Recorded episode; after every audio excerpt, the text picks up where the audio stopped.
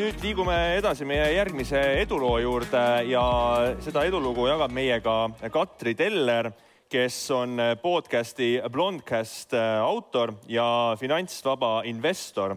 Enda portfelli on ta peamiselt üles ehitanud kinnisvarale ja Katri on südikust täis naine, kelle suureks inspiratsiooniks võib pidada MacGyverit kes ja ta ise on ka öelnud, et kui imemees MacGyver saab kõigega hakkama, siis saan ka mina.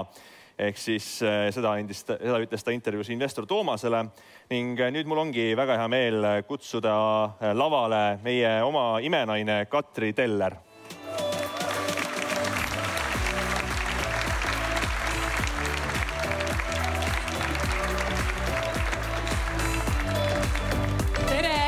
Aitäh! Nii megatore on siin täna olla, sellepärast et see ei ole mitte minu esimene investeerimisfestival ja paar aastat tagasi, kui sõbrannaga siin käisime, siis äh, just mõtlesin, et äh, jube kihvt oleks ise ka kunagi siin midagi rääkida. vaatasin neid teisi esinejaid ja kuidagi see investeerimisfestival mul on olnud selline hästi inspireeriv üritus selles mõttes, et suvel on ikka ju tore igal pool käia, aga siis selles seltskonnas on väga tore teha selliseid eriti ägedaid tutvusi. et ma loodan, et te täiega siin õhtuti ka ikkagi omavahel suhtlete, sellepärast et ühised huvid ikkagi toovad inimesi kokku Äh, investor Toomasele muidugi suur aitäh selle clickbait pealkirja eest. ma seda oma lugu olen paar korda rääkinud. Ma teen nii, et ma räägin seekord seda natukene lühemalt. Pikemalt on see lugu siis ühes kevadises investori ajakirjas ka kirjas. ja toon siis välja lõpus ka siis peamised õppetunnid, mis mul on siis selle teekonnal olnud selles mõttes, et miks ma ise arvan, et mul on hästi läinud. et kui ma vaatan tagasi oma teekonnale, et mis on siis olnud just justkui minu arvates nagu need minu edu võtmed. minu lugu lühidalt on selline, et äh, nagu paljud teised siis minu generatsioonist, ma olen siis nelikümmend, äh, siis äh, lapsepõlves need olud ei olnud siis võib-olla kõige lihtsamad, me kõik teame, et üheksakümnendate alguses oli väga raske meil väga paljudel meist. ja ka mu pereelu ja kogu see elu on olnud selline üsna segane, me kolisime peaaegu igal aastal ja mm, üheksandas klassis ma jäin üldse istuma ja kogu see elu oli selline hästi selline kaootiline. aga, aga üks asi, mida ma alati nagu tahtsin, oli see, et ma tahtsin saada hästi hakkama ja hästi ma tahtsin hakkama saada just seetõttu, et see mõte, et, äh, et ma kogu aeg nagu pean midagi tegema, oli minu jaoks hästi vastumeelt juba lapsest saadik ja ma alati olin kogu aeg selline hästi suur vastuväitleja või selline hästi selline tüütu selles mõttes, et ma alati tahtsin aru saada, miks ma midagi tegema pean ja mille jaoks. ja see, ja see rahaline vabadus ja see mõte, et hästi hakkama saada selleks, et ma saan teha tulevikus ainult neid asju, mida ma päriselt tahan, et see on olnud minu jaoks selliseks kõige suuremaks inspiratsiooniks ma läksin tööle hästi noorelt, äh, viieteistaastaselt juba hakkasin äh, käima siis äh, nõusid pesemas nädalavahetusel, et ma saaksin siis endale rentida ühetoalist korterit Paldiskis. keskkooli lõpetasin selliste kolmede-neljadega ja seejärel läksin siis ülikooli ja tööle samaaegselt. ma ülikoolis kahjuks väga kaua käia ei suutnud, sellepärast et väga raske oli korraga seda minu jaoks vähemalt mõlemad korraga täiskohaga siis teha. ja hakkasin ka vaatama sel ajal juba kõrvalt, et kuhu võiks siis investeerida või või et, et kuidas seda rahalist vabadust võiks siis hakata vaikselt niimoodi siis arendama. ja hästi läks mul aasta siis kaks tuhat viis, kui mul õnnestus siis osta üks äh, korter või endale siis tulevane kodu siis suisa null sissemaksuga ja mulle anti siis neljakümneks aastaks siis miljon krooni laenu. Äh, läksin panka siis paberiga, kuhu oli kirjutatud, et järgmisest kuust hakkab Katri Teller saama siis kümme tuhat krooni palka, midagi sellist. et tegelikult palk oli sel ajal vist mingi kaks tuhat krooni. ja ma siiamaani ei suuda uskuda, et selline asi kunagi võimalik oli, aga me kõik teame, kuidas kinnisvarandus sel ajal arenes ja ma selle korteri müüsin maha siis äh, kahekordse hinnaga ehk teenisin ka aastal kaks tuhat kuus, kaks tuhat kuus siis oma esimese nii-öelda miljoni. Äh, see on siis see esimene lugu, äh, te võite öelda, et siin on väga palju seotud loomulikult ka õnnega ja hea momendiga, aga mm, ütlen nii palju, et kui inimesed räägivad õnnest, siis minu jaoks on ka õnn selline asi, mis tegelikult niisama meie õuel ikkagi ei tule, et ka õnne jaoks on vaja natukene liigutada. et tegelikult, kui ma nüüd tagantjärgi mõtlen, et, et et see, see hull mõte, et ma üldse nagu läksin küsima seda laenu tegelikult ikkagi, et see tasus ennast lõpuks ära. no niivõrd-kuivõrd, sellepärast et äh, aastaks kaks tuhat üheksa olin ma puupaljas. Äh, jällegi nagu mõned võib-olla, ma ei tea, kas teist või mõned teie tuttavad samuti, et kui see suur kriis tuli, et äh, see oli hästi huvitav kogemus selles mõttes, et aastal kaks tuhat kuus-seitse, et kes mäletavad, oli selline tunne, et ei ole isegi võimalik, et midagi läheb halvemaks. kõigil olid väga head autod, näpud olid püsti, söödi kaaviari lusikaga ja joodi kallimat šampanjat. aga siis äh, aastal kaks tuhat üheksa koliti ilusti vanemate koju tagasi ja, ja ma hakkasin siis äh, uuesti pihta äh, kaks tuhat siis üheksa niimoodi nullist. Õnneks ma jäin tööle tol ajal, et, et töökoht oli mul olemas ja läksin uuesti ülikooli äh,. lõpetasin äh, ülikooli siis äh, hästi cum laude ja just seetõttu, et mul mingil hetkel sain aru, et kui hästi õppida, siis saab stippi. ja kui dollarimärgid on silme ees, eks ju, et see on ka omamoodi nagu investeerimine, et ma sain aru, et ma hoian kooli pealt nagu jube palju raha kokku puhtalt ainult sellega, kui ma lihtsalt õpin hästi äh,. raha nagu maast leitud ja ja siis hakkasid kuidagi jällegi nagu siis jalad-allad sügelema ja, ja pakkusin ennast siis tööle ühte rahvusvahelisse korporatsiooni nimega Campari Grupp ja aastal kaks tuhat kolmteist siis äh, kolisin Itaaliasse, äh, misjärel elasin siis Londonis paar aastat, Stockholmis ja lisaks sellele olen poole kohaga olnud kümme aastat siis ka Helsingis. ja minu see investeerimise lugu võib-olla natukene teistmoodi kui paljudel, sellepärast et äh, minu lugu ei ole selline, et ma hakkasin siis äh, maast madalast või äh, noorelt siis paarsada eurot kuus investeerima. et minu lugu on pigem selline, et ma äh, niimoodi näpud püsti äh, uhke autoga lendasin kuskile üles, siis ma kukkusin kolinal alla sain aru, et ma olen täielik käkerdis, elu andis uue võimaluse ja ma otsustasin hakata kõvasti tööd tegema ja tänu sellele, et ma tegin kõvasti tööd, tänu sellele, et ma teenisin korralikku palka, tänu sellele oli mul ka nagu edumaa hakata seda investeerimisteekonda tegema edasi palju kiiremini. et siis jah, et me teame seda, et investeerimise juures üks olulisemaid faktoreid on aeg. et mul see aeg oli tõesti siis lühem, alustades uuesti siin pea kolmekümne aastaselt, aga samal ajal mul oli siis selline nagu boost ka selle näol, et ma sain hakata investeerima siis suuremate summadega. ja ma hakkasin investeerima siis kinnisvarasse kümme aastat tagasi siis vaikselt hakkasin vaatama. Äh, mul oli buumi ajal ostetud siis üks enda äh, kodulaenuga korter, aga pärast seda siis hakkasin investeerima siis ettevõtte alt ja soetama endale siis üürikortereid. täna mul on üürikortereid kümme mul on veel erinevat kinnisvara, mul on natukene maad ja natukene tegelikult ka isegi aktsiaid. aga, aga ma kuidagi olen endiselt sellest eelmisest kriisist nagu õppinud seda, et mina ei ole väga suurte riskide võtja. ehk mul on see eelmise kriisi kriisikogemus nii hästi meeles, et ma tunnen, et äh, mu uni on mulle nii oluline, et mul ei ole ka väga palju võimendust. ja võib-olla, kui ma siin äh, mõnikord teiste investoritega räägin, mulle tundub, et ma olen kohati isegi natukene võib-olla äh, ma ei taha nüüd enda kohta midagi kehvasti öelda, aga et, et kuidagi, et ma liiguksin palju kiiremini edasi, kui ma siis tõesti ju võimendaksin kõvemini. aga ma lihtsalt ei taha, sellepärast et ma ei taha kolmandat korda enam miljonäriks saada et, et palju ja ma, ja ma loodan ka nagu seda, et, et see üks point, mida ma siin, kui ma nüüd pointideni siin jõuan, on see, et tegelikult äh, huvitav on ajale tagasi vaadata, et äh, ma olen loomuselt tohutult kärsitu inimene. Ja huvitav on see, et äh, aeg meile tundub, et kogu aeg venib ja ei lähe ja ei lähe, aga tagasi vaadates tegelikult see läheb nagu no you blink and you ninety, jube kiiresti, et selles mõttes, et kannatust ja et, et seda võib-olla ka, et ei tasu olla võib-olla liiga ahne. et see ahnus mõnikord natukene pimestab, me võtame liiga suuri riske, meil on ka väga palju rohkem kaotada ikkagi, et investeerimise puhul jälgida sellist pikaaegsust ja seda pikaajalist horisonti. aga nüüd need põhilised sellised minu arvates siis need Äh, kus ma ütlen, et äh, minu arvates sellised võtmed, et, et kuidas mul on elus siis nagu hästi läinud ja mikspärast. mul on siin seitse asja endale välja kirjutatud ja, ja need on siis järgmised. esiteks üks asi, mida ma olen õnneks saanud nagu väga maast madalast, on see, et ma oskan näha siis probleemides võimalusi. ja see on üks asi, mille ma olen saanud siis oma emalt, oma perekonnalt. ükskõik kui raske meil oli või, või kui halvasti meil oli, kunagi ei olnud sellist olukorda, et nüüd on nagu pekkis ja midagi teha ei saa, vaid alati oli ikkagi, et okei okay,, et nüüd meil on selline olukord, aga mis me nüüd välja mõtleme. ja see väljamõtlemine oli kogu aeg nagu hästi mänguline protsess. ja, ja minu jaoks ongi olnud kogu aeg nagu selline mäng, et mul isegi tekib selline väike nagu tuluke silmanurka või selline kuidagi väljakutse, selline positiivne väljakutse, et kui on mingisugune probleem, et väga huvitav, et, et miks elu on selle probleemi mulle nagu siia tee peale veeretanud, et mida see elu mulle seekord tahab õpetada ja, ja kuidas ma selle olukorra nagu lahendan et see on üks asi, mida ma ütlen, et eriti need ka, kellel on nagu lapsed, mul endal veel lapsi ei ole, et siis äh, ma arvan, et mis perekonnalt võib-olla on hästi oluline saada kaasa, et, et see nii-öelda see elus, ellu suhtumine, et, et minul tuli see kodust ja ma arvan, et kui lapsed kuulevad kogu aeg seda, et kõik on kogu aeg halvasti ja midagi ei saa, rikkurid on halvad, äh, meil on nii halvasti, keegi meid ei aita, et siis tegelikult selle mõtteviisiga läbi elu minna tulevikus on väga raske ja seda tulevikus täiskasvanuna seda muuta on tohutult raske.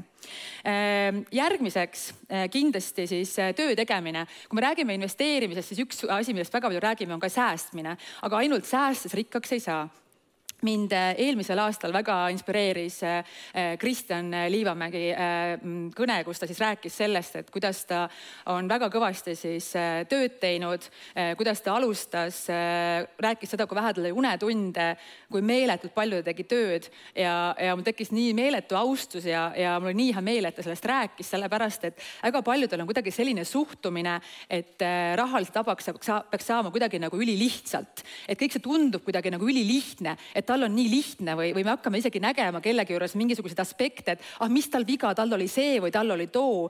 et me ei taha ise kuidagi nagu äh,, nagu aru saada sellest, et jah, et meil kõigil endal on see võimalik, aga me peamegi tegema selles kõvasti tööd. ja see on üks asi, millest tuleks võib-olla aru saada, et selleks, et me saaksime teha seda, mida me tahame, me peame mõnikord natukene aega tegema seda, mida me lihtsalt peame tegema järgmiseks äh, järjepidevus. Ja järjepidevusega on mul olnud elus keeruline, sellepärast et ma loomuselt olen selline hästi volatiivne. Et, äh, et mul on järjepidev olla nagu pigem endal keeruline, aga näiteks rahaasjades ma olen siis ka rohkem kui kümme aastat tagasi hakkasin tegema endale siis sellist faili või sellist Excelit, kus muutsin jälle selle asja enda jaoks nagu siis mänguliseks. et äh, see muutus minu jaoks lausa mingisuguseks äh, spordiks, siis iga kuu vaadata, et äh, mida ma olen see kuu korda saatnud, kui palju mul on olnud võimalik seda raha teenida, kui palju mul on olnud võimalik oma siis kulutusi väiksemana hoida ja, ja kui palju mul on võimalik siis nagu säästa. ja kui ma räägin säästmisest, ma kindlasti ei ole üks nendest inimestest, kes siis endale midagi ei luba, mulle meeldivad ilusad asjad, aga näiteks ka teisalt jälle mul ei ole isegi endal sõiduautot, sellepärast et äh, ma ei pea tassima raskeid asju, mul ei ole perekonda ja ma elan kesklinnas ja ma, minu arvates on lihtsalt väga hea koht, kus seda raha kokku hoida. Ja kui mul on vaja, et siis ma saan seda autot alati rentida või sõita taksoga või kõndida, kõndida ka väga palju jala et vaadata siis tõesti üle, et see järjepidevus ja teine asi ka see, et, et tõesti, et kus me saame neid siis äh, juurde kasvatada asju ja säästa, aga just see, et muuta see enda jaoks nagu mänguliseks. et see kõik tegelikult, ma ütlengi, et elu võib-olla tervikuna ma natuke võtangi nagu mänguna, sellepärast et äh, see on nagu tetris, et kogu aeg kuskilt midagi kukub alla, meil on kogu aeg mingisugused probleemid ja mured. aga, aga siis kuidagi, et, et sättida need asjad kuidagi siis lõpuks paika, et kui me teeme selle enda jaoks nagu mänguliseks, siis see aitab tegelikult olla meil ka rohkem järjepidev järgmiseks selline punkt nagu, et, et need inimesed, kes meid ümbritsevad ja see on üks asi, millega mina olen teadlikult tegelenud viimasel ajal väga-väga palju. ja kui ma räägin inimestest, kes meid ümbritsevad, ma ei räägi kindlasti sellest, et me peaksime ennast ümbritsema nüüd kõikide nendega, kes on kuidagi siis väga edukad, rikkad või rahaliselt vabad, vaid pigem sellest, et see seltskond, kellega sa ennast ümbritsed, oleks toetav ja neil oleks sarnane maailmavaade. väga raske on elus edasi minna, kui äh, see suhtumine on pigem selline tagasitõmbav äh, või see sinu keskkond sind absoluutselt ei toeta. ja, ja paratamatult on elus nii, et siis äh, mingite inimestega mingil hetkel suhtleme vähem ja, ja siis teistega natukene rohkem. ja ma arvan, et see on normaalne elu ja ma tean, et eriti meestel on tavaliselt nii, et need mehed või need poisid, kellega siis koos käiakse siis keskkoolis, et needsamad sõbrad jäävad hästi tihti siis elu lõpuni, mis on ülitore ja üliarmas, aga mõnikord ma mõtlen, et, et võib-olla nagu nendel mingitel isikutel oleks lihtsam, kui need inimesed, kes neid ümbritseksid, oleks natukene nendega sarnasemad, võib-olla nii äh, raha, tervise kui kõige muu suhtes. sellepärast, et äh, me ei suuda rakendada oma täit potentsiaali, kui me oleme vales keskkonnas. Äh, eelviimane punkt on mul selline asi nagu intuitsioon. ma olen elus teinud oma, ma arvan, et kõige paremad otsused tänu intuitsioonile ja ma ei oska seda nii täpselt nüüd äh, seletada, sest ma ei taha siin väga nagu mingi esoteerikasse kuidagi ka siin nagu kalduda. aga, aga ma tõesti, äh, kui mingid asjad lihtsalt tunduvad õiged, siis nad on õiged. ja kui mingite asjade puhul ma tunnen, et see asi ei ole õige, siis see asi on tavaliselt ka pekki läinud. mul on äh, üüri, üürnikega, mul on siis üürikortereid, üürnikega on ka olnud väga hea nagu jälgida seda, et, et kui üürniku tuleb, et mis tunne mul selle üürniku suhtes nagu siis tekib, et üks asi on jah see, et me saame seda tausta vaadata või kuidas see üürnik nagu esineb, aga siis on mingisugune seletamatu tunne, mis nagu tekib. et, ähm, et mul on olnud mõned äh, kentsakad lood, mida ma täna nagu äh, ajalimiidi tõttu ma kõiki rääkida ei saa, aga need kentsakad lood on olnud siis eelkõige siis äh, inimestega, kelle suhtes ma olen lihtsalt mõelnud, et okei okay,, et mul on kiire, ma ei jõua rohkem otsida või ma ei jaksa rohkem seda korterit näidata. viimases korteris siis esimene üürnik pandi hulluma ja järgmine üürnik saadeti maalt välja ja ühes korteris on mul elanud siis äh, üürnik, kes on pakkunud siis äh, teenuseid meestele. et, et mul on nagu erinevaid, et ma võin sellest ka täitsa nagu eraldi rääkida, aga, aga just see, et see sisetunne siinkohal on ka nagu hästi oluline jälgida, sellepärast et, et ei rapsiks ja kõik otsused, mida me elus üldse teeme, et kui see tunne on õige, siis ta sel hetkel on õige. isegi siis, kui tule, tule, vaatame kunagi tulevikus tagasi, et äkki see oli võib-olla viga, aga võib-olla me sellest siis midagi õppisime, et see on asi, üks minu selliseid kindlamaid asju, mida ma jälgin ja viimane asi on selline, et elu võtta alati huumoriga, ka investeerimist sellepärast, et praegu vaadates, mis teevad börsid, mis üldse on see ebakindlus, ma ütlen, et ma isegi ei kujuta ette, kuidas seda praegu saaks teistmoodi võtta. sellepärast, et äh, ma mäletan seda eelmist äh, kriisi veel nii hästi, et mm, ma kuidagi, ma ütlen ausalt, et mul ei ole täna nagu mingisugust, üldse mingisugust hirmu või mingit halba tunnet selles mõttes, et ma olen õnneks selle läbi teinud ja ma ka tean seda, et mis iganes juhtub, see kõik möödub. Et see elu ongi selline ja me räägime kogu aeg sellest, et kõik läheb üles ja alla. aga et, et kuidagi proovida see, see huumor ja see ellusuhtumine hoida endaga kaasas ka nendel aegadel, kui tegelikult nagu otseselt nagu väga naljakas ei ole. sellepärast, et kõik sellised halvad olukorrad annavad meile väga palju võimalusi. näiteks eh, kriisid on kindlasti ju väga huvitavad selles mõttes, et need jagavad ümber rikkust, annavad võimalusi inimestele, kellel võib-olla sellises turukasvu faasis on natukene, et raske nagu sinna kuidagi vahele saada, seda jalga, seda ukse vahele sinna. et, eh, et ma üldiselt arvan, et see huumor on selline asi, mis ükskõik mida tehes, aga ka investeerides minu meelest on nagu väga-väga oluline säilitada sellist nagu tervet, tervet mõistust ja üldse sellist positiivset meelt. ja ka investeerimise puhul, kui ma siin enne mainisin, et ma ei kasuta eriti võimendust äh,, ma olen otsustanud enda jaoks ka selle, et kui äh, mõni asi äh, ei lase mul tõesti nagu magada või ta tekitas mul stressi, siis ta on igal juhul liiga kallis äh, selleks, et ma peaksin seda asja omama et, et ma soovin siis kõige rohkem nagu seda, et see investeerimine käiks kaasas siis sellise normaalse eluga ja mõelda ka selle peale, palju meil üldse tegelikult on vaja. sest mina olen nüüd selles seisus, kus ma olen siis äh, enda jaoks siis nagu saavutanud selle olukorra, kus ma olen päriselt äh, vaba ja ma võiksin edasi teha nagu rohkem ja rohkem ja teha palju tööd, aga ma olengi täitsa nagu enda jaoks mõelnud, et, et minu jaoks on nagu olulisem see, et ma liiguksin tasakaalukalt ja vaikselt ja ma olen tegelikult seda eesmärki selles mõttes saavutanud, mida ma endale seadnud. et see, kui mul on mingisugune kindel seitsmekohaline number, see ei tähenda seda, et mu järgmine eesmärk peab tingimata olema see kümnekohaline number. et äh, et ma lihtsalt, mida ma tahan öelda, on seda, et me kõik tahame saada rahaliseks vabaks, me kõik tahame, et meil on nagu äh, muretu elu ja kõik see, aga lihtsalt võtta võtta seda kuidagi nagu mõistusega, et eh, see on meil kõik võimalik teha siis järjepidevuse, tööga, kõige sellega, aga ka mitte sellega nagu võib-olla siis eh, kaotada seda kõike muud eh, meie elus, mis on siis meie jaoks tegelikult päriselt oluline. ja öö, ütlen veel, et mm, jah, et sügisest ma olen tegelikult ise otsustanud siis seda, et ma proovin sellist elu, kus mul on siis äh, null kohustust äh,. mul ei ole elus siis olnud mitte kunagi sellist momenti, ma olen töötanud viimased kakskümmend viis aastat ja ma, mul on sügisel selline plaan, et ma nüüd päriselt tahan proovida siis ära selle, et mida see rahaline vabadus siis tähendab sellisel kujul, et kui ma ei võtakski endale praegu ühtegi kohustust ja elakski näiteks äh, sellise aasta nüüd sellise rahaliselt vaba inimesena, et siis ma äkki saan teile järgmisel aastal tulla rääkima, et, et mis tunne on, sellepärast et mu sisetunne ütleb tegelikult ka seda, et, et päris paigal püsida vist ei ole võimalik ühelgi inimesel, aga ma väga tahaksin seda ära proovida. ja rohkem ma vist ei, polegi midagi öelda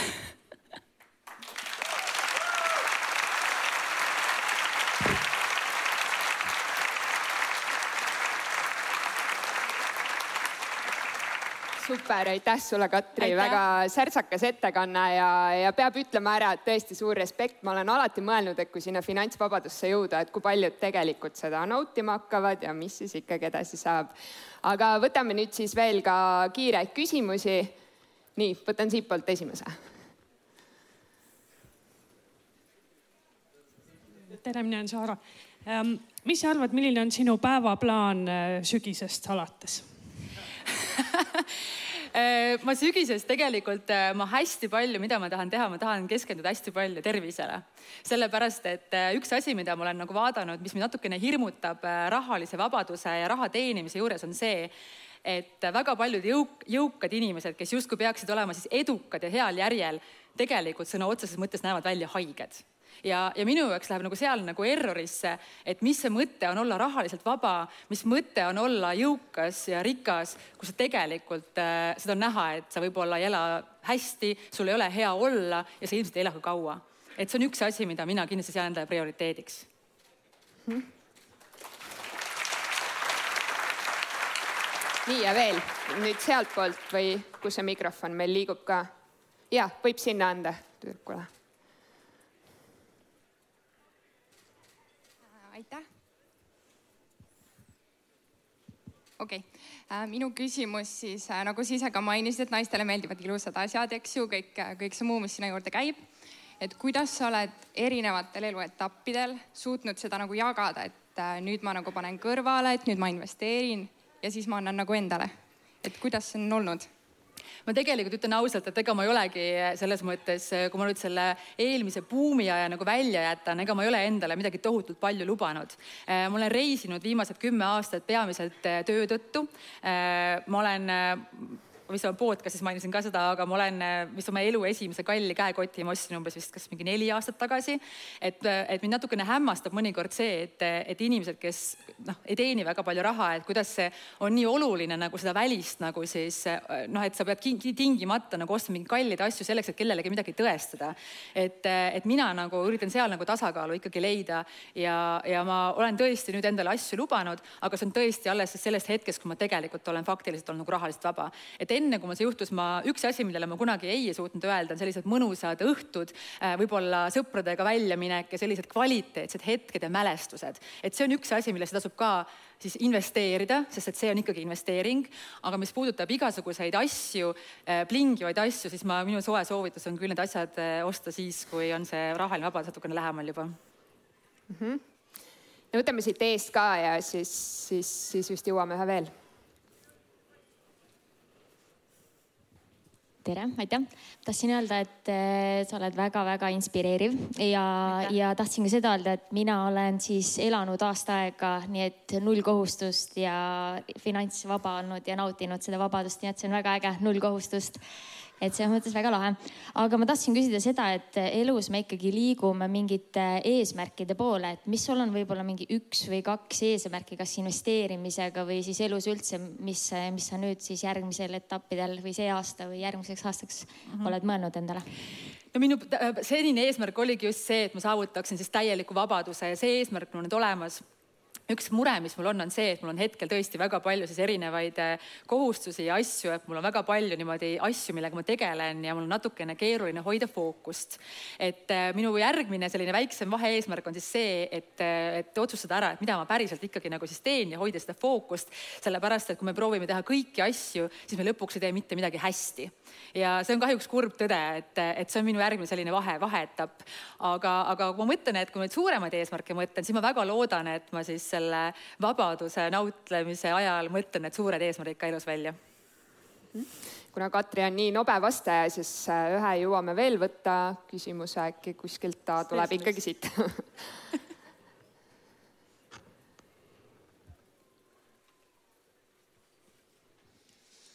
Sa oled oma sisetunnest juba kaks või kolm korda öelnud, et äh, ütle palun, äh, kuidas sa näed seda kinnisvaraturu tulevikku oma sisetunne poolt äh, väga hea. ma ütleks nii, et ega tegelikult mitte keegi ei tea, aga mul on hetkel tead, ma vastan sulle äh, Peeter Koppeli sõnadega, ma kuulasin, ta ütles kinnisvarajuttudest nagu nii ilusti, kui keegi küsis, et kas sa nüüd, mis sa soovitad teha, et kas osta või müüa või et, et kas nüüd langeb või ei lange. et siis mina jälgin täpselt nagu nüüd Peeter Koppeli soovitust, et mis oli, et hoia sees ja ära liiguta suurepärane, aitäh sulle, Katri. kingiga aitäh. aitäh. aitäh